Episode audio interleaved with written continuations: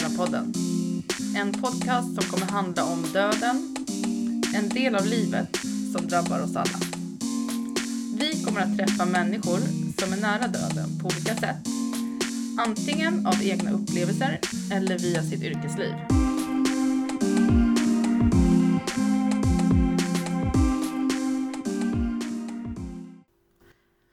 Nu är det ju Döden-podden-dags igen. Jajamän, här sitter vi självaste valborgsmässoafton. Det stämmer, våren är på intågande. Jajamän. Och vi ska träffa Åsa. Ja, och nu ska vi ju prata om förlossningar. Något som för det mesta eh, slutar glatt. Födsel och inte död. Men det finns ju såklart undantag där också. Även om de är få. Så vi ska prata Åsa är barnmorska ska vi säga och sjuksköterska. Mm. Och jobbar i förlossningsvården. Så vi ska få höra lite om hennes erfarenheter. Ja, och hon har ju mångårigt eh, erfarenhet av eh, förlossningsvård. Så att, eh, mycket spännande. Mhm, Nu kör vi. Det gör vi.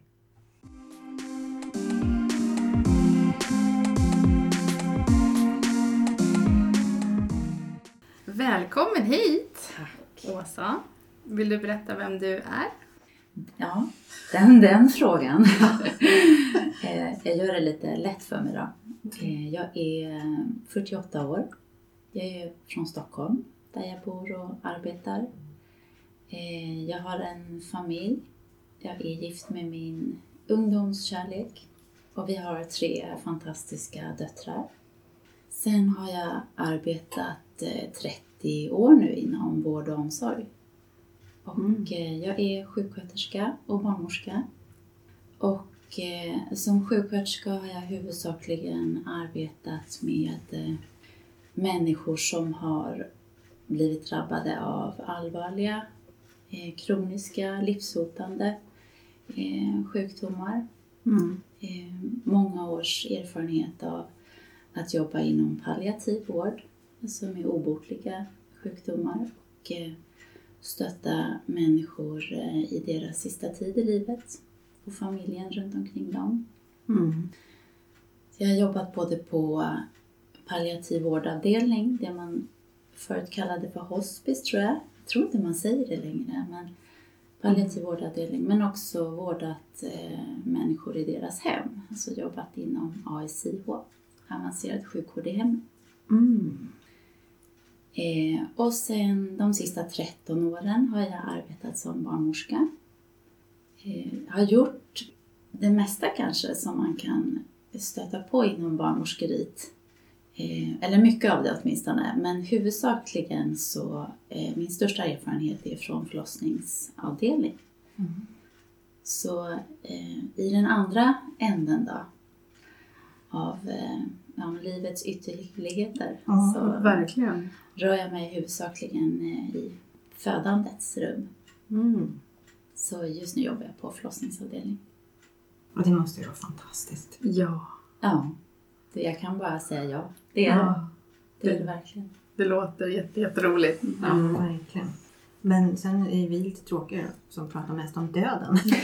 Men i alltså, jobbet som barnmorska så är det ju såklart mer födande än dödande så att säga. Men hur ofta sker det dödsfall vid en förlossning? Ja, det sker aldrig dödande. För Nej, vi ska inte peta. Nej. Jo, nej, men det är helt sant. Det är Mm. huvudsakligen väldigt mycket glädje och Mm. eh, liv. Eh, I Sverige har vi ju, om man jämför globalt sett, så har vi en oerhört låg mödradödlighet i Sverige. Mm. Jag tittade på siffror som FN har presenterat och eh, vad gäller mödradödlighet så rör det sig om ungefär 300 000 kvinnor per år som dör i samband med graviditet och eh, barnafödande. Mm. 90 procent av alla de här kvinnorna bor i låginkomstländer. Och det är huvudsakligen, eh, liksom, de dör av det som vi här i Sverige liksom har god kontroll över. Vi kan förebygga och upptäcka och kontrollera för och bota och behandla. Så att eh, eh, det känns oerhört sorgligt att inte om resurserna Mm. eh, finns till de kvinnorna. Men tittar man på våra siffror så, så handlar det om, om vi ska prata tal då, eh, om ungefär sex kvinnor årligen Mm. Som dör i samband med graviditet eller barnafödande. Mm. Eller tiden strax efter då, som man också liksom inbegriper i Mm. den här tiden för dödlighet i samband med graviditet och barnafödande. Ja, det är väldigt få. Ja, men Det Ja. är en katastrof för de som händer Ja, det är det såklart. ju Men, såklart. Eh, om, det finns en arbets eh, och referensgrupp som, som årligen granskar då våra, eh, de här dödsfallen och eh, analyserar och så återkopplas den här kunskapen till oss som jobbar inom hälso och sjukvården så att vi får ta del av det i syftet att kunna förebygga och förhindra såklart framåt. Eh, och då ser man att eh, det kanske är en, en bra kommentar ändå att, att eh, det, det handlar om eh, tiden under hela graviditeten, födseln och också en och en halv månad efter avslutad graviditet. Och det är inte bara gynekologer och förlossningsläkare då som är våra specialister på förlossningsavdelning eh, som är liksom inblandade i de här fallen utan eh, det, är, det handlar om eh, specialiteter som psykiatri och Mm. primärvård och mm. eh, anestesiologer, narkosläkare, infektionsläkare Mm. eh, och så vidare. Så att eh, det, det är inte... Liksom, det kanske ligger nära till hands att tänka att det är kvinnor som dör i, i födslorummet. Liksom. Mm. Och, och så är det ju inte riktigt. Mm. Det är ju extremt ovanligt. Ja. Extremt, extremt ovanligt. Ja. Mm. Men hur, hur ofta händer det att, att barnet inte överlever förlossningen? Det rör sig om ungefär 30 barn per år. Mm. Ehm, Och med barn så, den definitionen innebär att eh, graviditeten har gått 22 veckor. Alltså vid 22 plus 0 då. Mm. Man räknar i fullgångna veckor och sen i dagar. Så 22 står för veckorna och, och 0 då i det här fallet eh, dagar. Så Mm. 22 fullgångna veckor, då per definition så, eh, så pratar vi om barn. Så det är ju, och, och det är klart att de här barnen som föds så extremt prematurt då, till exempel, de här tidiga veckorna har eh, mycket mer begränsade resurser. Mm. Så att eh, det är från vecka 22 plus 0 eh, när man pratar om barn som dör. Mm. Så är det vanligaste då att, att det är en, en prematur födsel som egentligen orsakar att barnet kanske inte överlever? Alltså jag har inte studerat de här, de här, barn, de här barnens... eh, Jag har inte studerat det så noga så jag vågar inte liksom gå in i den där. Det är helt klart eh, svårare för de extremt prematura barnen att Ja. klara en förlossning. Men har du som barnmorska själv varit med om de situationerna att, att barnet har eh, dött under förlossningen? Nej, det har jag inte. Du har aldrig varit med om det? Nej, Det, det säger någonting om att det är ovanligt. eller hur? Mm. Ja. Jag har ju varit med om att barn eh, dör i livmodern. Så barnet konstateras då vara dött eh, Mm. och föds hos oss på förlossningen. Mm. Vi pratade om intrauterin fosterdöd och, och det är samma där att från vecka 22 plus 0 så när barn dör i magen så för det är samma vecka då som Mm. definition. Ehm, och det har jag varit med om många gånger. Tycker många. Det känns som många för det är så oerhört smärtsamt. Mm. Ja. Jag tror vi, liksom, jag pratar för mig själv när det bara så minns jag allihop och det gör säkert nästan alla barnmorskor. Det sätter sig. Mm. Man bär de här familjerna jättenära hjärtat. Mm. Verkligen. Det måste ju vara så tuff situation för de föräldrarna. Alltså, Mm. Det är ju som mardrömsbesked man vill ha när man är gravid. Verkligen. Mm. Men har ni något omhändertagande, alltså något speciellt ni gör eh, i de fallen för de drabbade?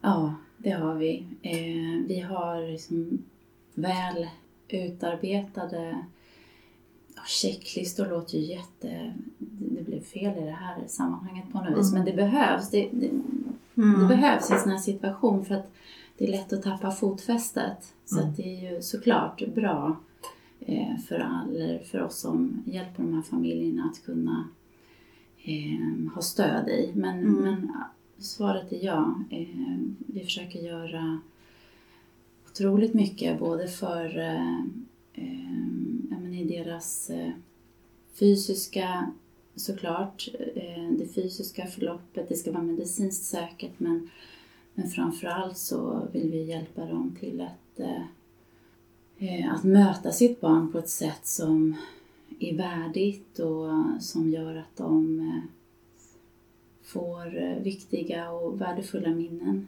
med Mm. sig som ska underlätta deras sorgarbete. Mm. Eh, Vi försöker ju ge, ja vi har, vi har mycket vi gör för att det ska bli så bra som det bara går i, i en sån här situation som är så djupt tragisk och Mm. chockartad och tumultartad. Mm. Men om man hamnar i att man får sånt besked eh, så kan jag tänka mig själv att man bara Mm. vill, kan inte ni bara kejsarsnitt, snitt, ta bort barn, bara, bara, man vill inte vara med om det. Mm. Hur ställer ni er till sådana reaktioner? Det förstår jag och det är många som uttrycker det. Precis det som du säger. Eh, och eh, man vet, vi har ju god tid på oss när sånt här händer så har vi som goda möjligheter att vara eh, med föräldrarna länge och eh, gå i takt med dem. Mm. Som, och till, till den absoluta början, eh, när föräldrarna har fått det här beskedet så, så sitter vi ju länge. Vi bara finns där och Mm. sitter stilla och väntar in dem. Och, eh, men det här kommer ofta ganska så direkt. Och när det är lämpligt, när det är tid för att också ta in rent intellektuellt vad som ändå kanske är bäst att göra Mm. så kan man föra den här dialogen om då val av förlossningssätt. Mm. Om man vet att det är bättre för mamman att föda sitt döda barn på, eh, alltså vaginalt Mm. jämfört med kejsarsnitt. Om det inte föreligger någon absolut alltså medicinsk indikation för att någon, någon överhängande risk för mamman som gör att kejsarsnitt är rent medicinskt det säkraste, då gör man ju det såklart. Mm. Eh, men annars så har det visat sig att det underlättar sorgarbetet och eh, eh, den medicinska fy- fysiska återhämtningen är ju eh, det är stor skillnad efter en vaginal födsel jämfört med ett kejsarsnitt. Mm. Så att, eh, och det minskar risker både vid den här förlossningen då och eh, eventuellt kommande graviditeter och förlossningar om eh, kvinnan har fött vaginalt jämfört med kejsarsnitt. Mm. Det kan också vara eh, oerhört svårt och traumatiskt om man vid kejsarsnitt till exempel behöver bli sövd. Då medvetandet eh, grumlas och eh, det har visat sig också att det kan försvåra sorgearbetet eh, väsentligt och, och hela upplevelsen kan kännas overkligt och, Mm. eh, och bli liksom smärtsamt på det viset. Mm. Men brukar de flesta då successivt ändå välja att göra en vaginal förlossning? Ja, det är min erfarenhet. Mm. Men hur är ni inom vården med att prata om döden då? Vilket ni blir tvungna i de här fallen.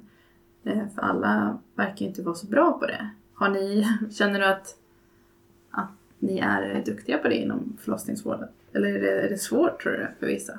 Nej, men jag tror att det är så som du upplever det, att vissa mm, har lättare och andra svårare. Ja. Och eh, jag, det skulle ju vara fantastiskt om jag kunde sitta och säga att ja, men vi alla är vi har så gedigen utbildning och vi är så bekväma med det här att eh, vi kan i alla lägen liksom Mm. göra allt det bästa för att, eh, nej så, så är det ju kanske inte tyvärr. Nej. Men vi gör så gott vi kan. Och det, ja, men det väljer jag att tro eh, Mm. generellt, att, att alla gör vi så gott vi kan där vi, där vi befinner oss. Men vi är individer och vi bär med oss egna upplevelser och eh, hanterar det på olika sätt såklart. Mm. Och jag tror ingen kan säga att det inte är svårt eller jobbigt. Nej. Eh, men vi försöker göra eh, så mycket som möjligt för att vi ska kunna vara ett stöd Mm. och hjälpa föräldrarna. För det är därför vi är satta där. Att eh, lotsa och vägleda och stötta och skapa förståelse för det som händer och vara liksom både golv och sarg och tak ibland för att Mm. föräldrarna ska kunna få eh, klara sig igenom det här på bästa sätt. Men är det ibland att, att de eh, föräldrarna som hamnar i den här krisen kanske har svåra reaktioner? Att de är arga på er, att ni inte har eh, Mm. förebyggt det här på något sätt? Eller alltså det kan vara lite tuffa situationer kan jag tänka mig. Oh ja, Ja. det kan det vara. Och det är nog djupt mänskligt, Ja, tänker jag. Jag vet inte om ni håller med, men det... absolut. Ja. Så det, och det får man vara beredd på. Och det ingår också i, i det här sättet att förbereda sig som vårdpersonal för sådana situationer. Så, så ingår det att, att ha det här med sig. Mm. Så kan det vara. Och då där, där och då får vi ta det. Vi får sitta kvar och låta, Mm. låta dem få uttrycka det här. Mm. Eh, och jag har aldrig varit med om att det håller i sig särskilt länge. Nej. Men det är ju oftast inte läge att börja... Diskutera. Nej, just Nej. det. Nej. Man Exakt. behöver nog bara få ut det som du säger. Ja, Ja, bara liksom, ja. Mm. Såklart. Men vad har ni för stöd liksom, i personalen? Mm. Har ni, får, har ni liksom kontinuerlig utbildning på det här, kurser och påminnelser eller hur fungerar det för er? Men säkert lite olika från arbetsplats till arbetsplats. Eh, det ligger, och nu liksom i pandemin och de här Ja. tiderna så har ju våra liksom, stunder för reflektion och, och sådär försvunnit lite. Vi hade det regelmässigt, där jag jobbar i alla fall. eh, reflektion och avstämning sådär, med varandra. Men eh, vi har alltid tillgång till våra eh, kompisar som jobbar på sjukhuskyrkan. Eh, de är som medmänniskor som alltid finns och eh, vi kan, jag jobbar ju på sjukhus då och Mm. eh, sjukhuskyrkan eh, finns alltid liksom, det, jag tror att de har ja, men dygnet runt. Eller jag vet att de har det, de är Mm. alltid tillgängliga. Någon finns alltid tillgänglig så att, eh, det är ju ett enormt stort stöd. Ja. Och sen så pratar vi mycket med varandra. Mm. Eh, vi, alltså det ligger nog ganska mycket på oss i personalen att eh, flagga för vad man behöver. Mm. Eh, vi kan alltid såklart knacka på hos våra chefer och, och berätta hur det är och eh, få stöd och hjälp därifrån. Men oftast så är det, man vet att man har hand om en familj som har förlorat ett barn och eh, ska arbeta med den här familjen under flera dagar. För det är så vi bland annat förbereder. Ni frågade om det, hur vi liksom Mm, tar hand om familjen och förbereder oss. Vi försöker ju ha kontinuitet då i jättehög utsträckning så att eh, familjen träffar samma personer. Och vet man då att nu står jag inför det här så har vi nog lite olika strategier. Men, och jag kan ju bara prata för mig själv, men jag brukar välja ut en kollega på varje pass som Mm. jag jobbar. Och så säger jag att nu gör jag det här idag. Går det bra att jag kommer till dig Mm. om jag behöver bara sitta med dig i tystnad eller om jag behöver en kram eller om jag behöver få prata Mm. eller något annat. Och det är ju såklart aldrig några problem. Och det Mm. finns en inbördes förståelse när vi, när vi har familjerna hos oss som vi tar hand om. Då, då är alla, det skulle jag säga, lite, alla vet om det här. Och eh, den där utsträckta handen är ju väldigt nära till hands Mm. i alla lägen. Men sen får man ta hand om sig också privat, alltså Ja. hemma. Mm. Får eh, gå till sig själv och se vad, vad mår jag bra av och hur mm, brukar jag behöva ladda om och vad kan jag liksom behöva uttrycka för mina, min familj och mina vänner. Och Mm. behöver jag, jag brukar säga det hemma att nu måste jag kryssa i kalendern. Liksom. Mm. Och så behöver jag er. En, nu för tiden behöver jag inte säga så mycket för att eh, familjen har lärt sig. Ja. Mm. Och när barnen var små och sådär och jag kom från, från eh, jobbet och det hade varit en dag där jag hade haft hand om en familj eh, som hade förlorat ett barn. Då behövde ju bara, jag vet när våra äldsta tjejer var dagisbarn och gick på dagis tillsammans, eller förskola, förlåt. Mm. Så bara liksom de såg mig i grindöppningen så kunde de direkt läsa av. Så de har liksom flera gånger bara eh, från då att det vanliga att de bara rusar liksom och blir överlyckliga och kastar som halsen har de liksom lugnt och stilla lagt från sig grejerna, kommit med lugna steg så här och, och fixerad blick Mm. och bara stått och Mm. väntat liksom. Vad. Väntat in mig. De är otroligt känsliga barnen och sensibla. De har ett seende som är... Så det är ju jättemycket värt att få ha tillgång till, eh, till barn. De är inte så krångliga som vi Nej, vuxna. nej, Inte det är de så. Eh, ja, men, s- så man får eh, försöka ta hand om sig extra mycket de här Ja, men precis. Jag undrar också, för själv när man var med om en förlossning, det kan ju ta tid. Ja. Om man är med om olika arbetspass som rullerar. Men om det här specifika fallet, om ditt pass går ut vid 9-10 på kvällen, stannar du kvar då? Eller byts man av?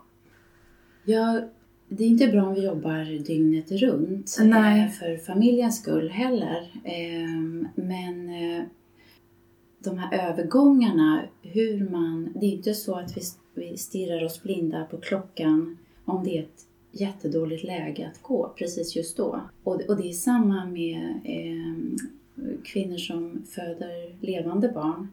Där går vi inte heller. Så där kan kvart över nio bli kvart över tio också. Okej. Ehm, för att det inte är läge att säga hej då nu är det dags för nästa skift. Ah. Absolut, så vi, vi försöker ehm, att det ska vara så smidigt som möjligt Ah. för föräldrarna. Men, ehm, och men någonstans måste man ju dra gränsen också för att kunna gå hem och återhämta sig och komma tillbaka. Mm. Syftade du på födseln nu? Alltså när barnet, precis då barnet föds eller? Eh, alltså jag vet inte om jag syftade på någon specifik Nej. Pla- eller punkt i förlossningen. Jag bara tänkte generellt att Mm. det kan ju vara lite stressande ehm, att få nya barnmorskor. Alltså jag hade ju tre. Och då tänker jag så här, i den situationen kanske det är viktigare att man har färre. Jag vet inte. Ja, vi som personal har aldrig mer eh, på vårt bord så att säga än att ta hand om en familj som har förlorat sitt barn. Det, det, det, då har man det och ingenting annat. Ja. Så man går inte mellan rum eh, och tar hand om flera familjer. Eh, men sen försöker vi alltid såklart att lämna över på ett bra sätt till nästa skift. Mm. Och är man... Eh, alltså för, föräldrar uppskattar ju... Det ser man ju också, det finns mycket kvalitativ forskning att lära av från familjer som förlorar sina barn.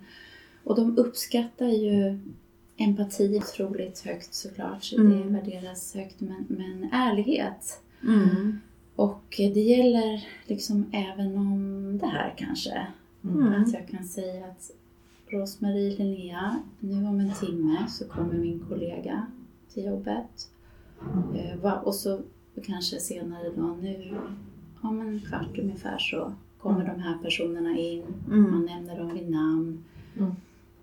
Man kan stämma av med familjen hur man ska överlämna, vad som är Mm. viktigt att uttala, föra vidare.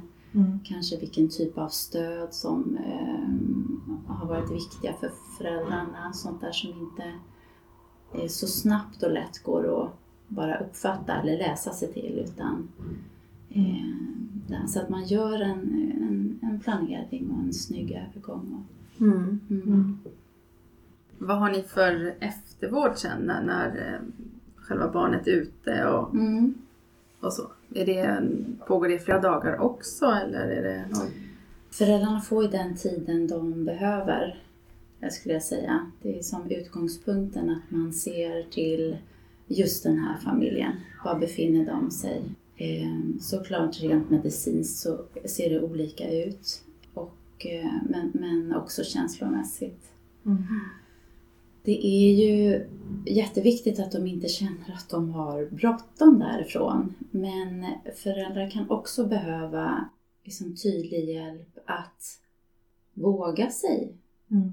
härifrån. Många gånger kanske de har varit på sjukhuset flera dagar eh, innan barnet föddes.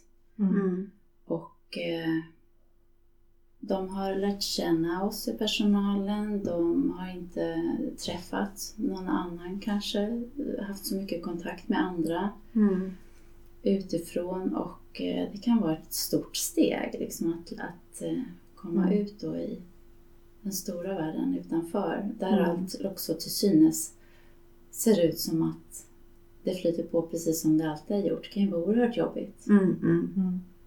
Mm. Mm. när det bara är kaos Mm. inuti. Mm. om man har tappat fotfästet. Så att man kan behöva stötta i det, hjälpa till eh, på olika sätt med det. Men eh, vi, vi låter, det är viktigt för föräldrarna att få ta till sig barnet i sin egen takt.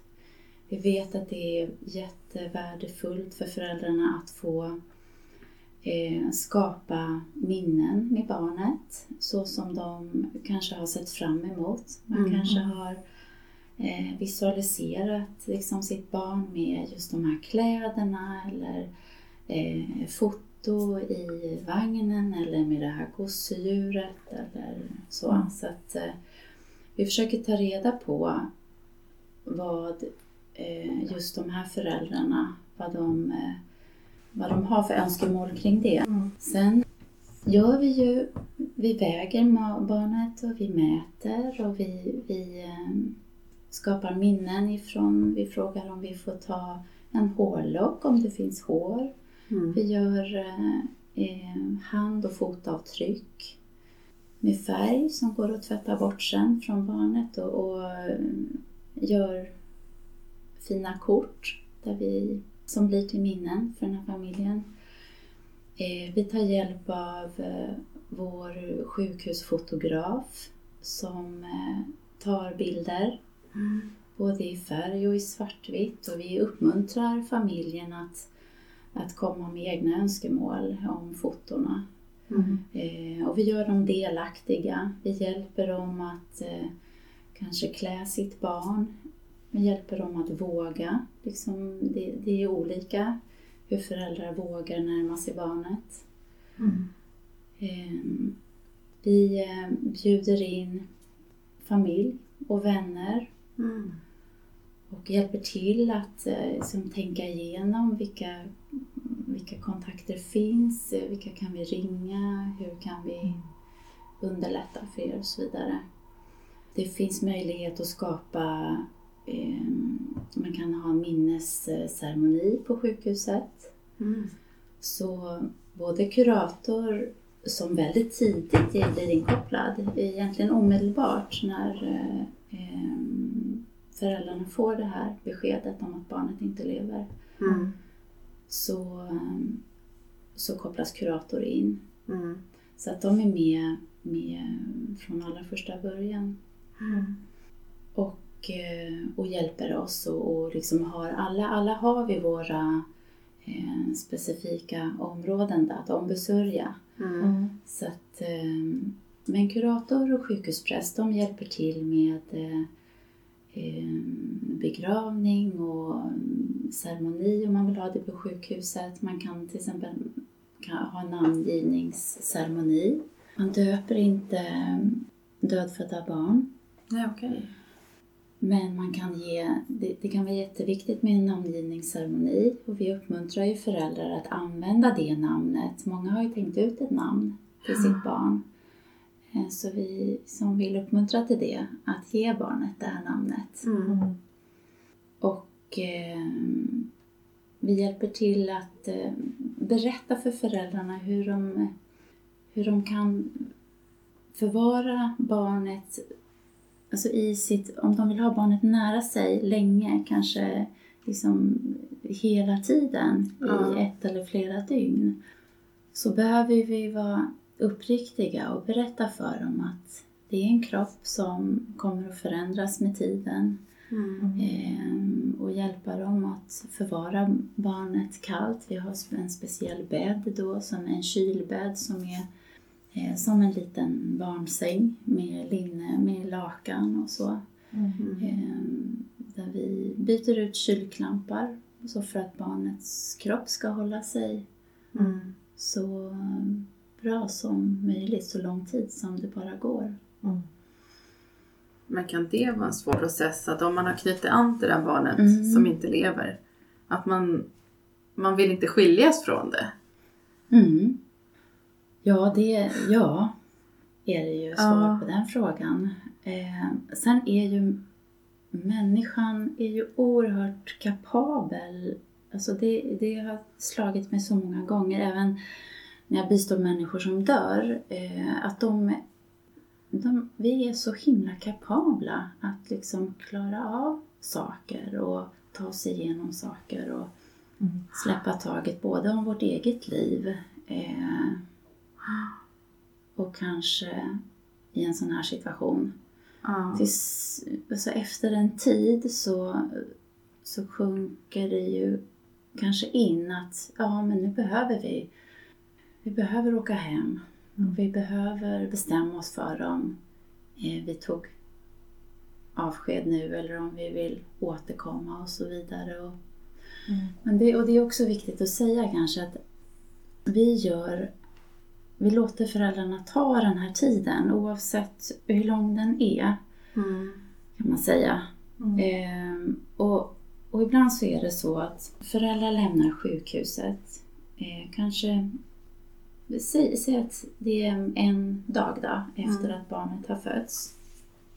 Eh, men de känner att vi inte är säkra på att vi vill säga ja till att skicka vår flickas eller pojkes kropp till bårhuset redan nu, eller för obduktion till exempel, om det är det som ska göras redan nu. Vi vill kanske komma tillbaka, vi vill åka hem nu, se hur det känns. Mm. Eh, så vi, vi, låt oss höras om några dagar, så Mm. ser vi om vi har behov av att komma tillbaka. Mm. Eh, och då är det fullt möjligt. Mm. Man kanske också vill invänta övriga familjens eller släktingars önskemål och låta någon annan komma tillbaka Mm. för att ta avsked. Mm. Och det är på samma sätt där. Då, Mm. då stannar eh, eh, barnets kropp på sjukhuset och eh, vi har möjlighet att, att visa familjen igen då, Mm. barnet. Och man kan ha ceremoni eh, igen eller senare om man vill. Mm. Så att det, det finns många möjligheter liksom att gå, gå i takt med sig själv. Mm. Det låter jättebra. Mm. Mm.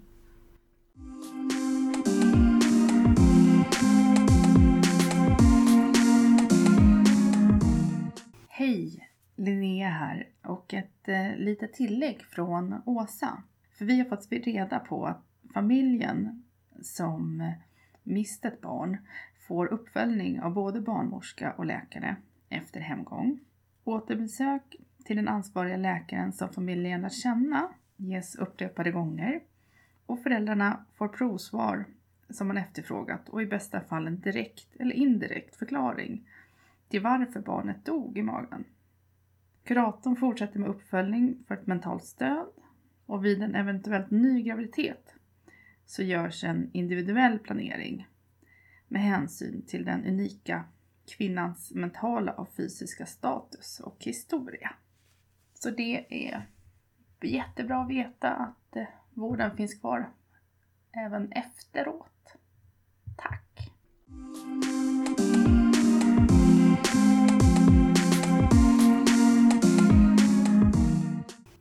Ja, Åsa, vilken eh, mysig, trevlig, klok person. Verkligen. Verkligen. Och, Men jag tänker liksom på att, att det känns tryggt, även om checklista som man säger kanske låter tråkigt, så känns det ju tryggt och bra att de har en struktur. mm, När eh, föräldrar som får det hemskaste beskedet att deras barn är dött i magen, mm. att det finns ett väl omhändertagande.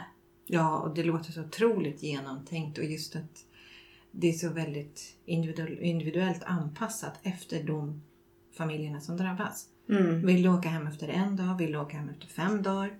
Vill du liksom ta avsked? Vill du ha ditt barn hos dig? Mm. Vill du ha ditt barn hos dig bara väldigt lite, väldigt mycket? Allt känns otroligt anpassat och verkligen följsamt. Så att det ska Ja. bli så, det är väl svårt att säga smärtfritt kan man inte säga, men smooth Ja, precis. som möjligt. Och att de skapar de här minnena också. Så även om man inte inser det just där och då så kanske det spelar jättestor roll Mm, efter en tid eh, längre fram. Ja. Ja. Vi kommer ju vid nästa avsnitt fortsätta prata med eh, den kloka, trevliga Åsa. Precis. Människan som har så otroligt bred erfarenhet. Eh, också jobbat inom palliativ vård ska vi få höra om hennes arbete med människor i livets slutskede. Ja. ja. Så på återhörande och ha det så gott. Ja, ta hand om er så hörs vi snart.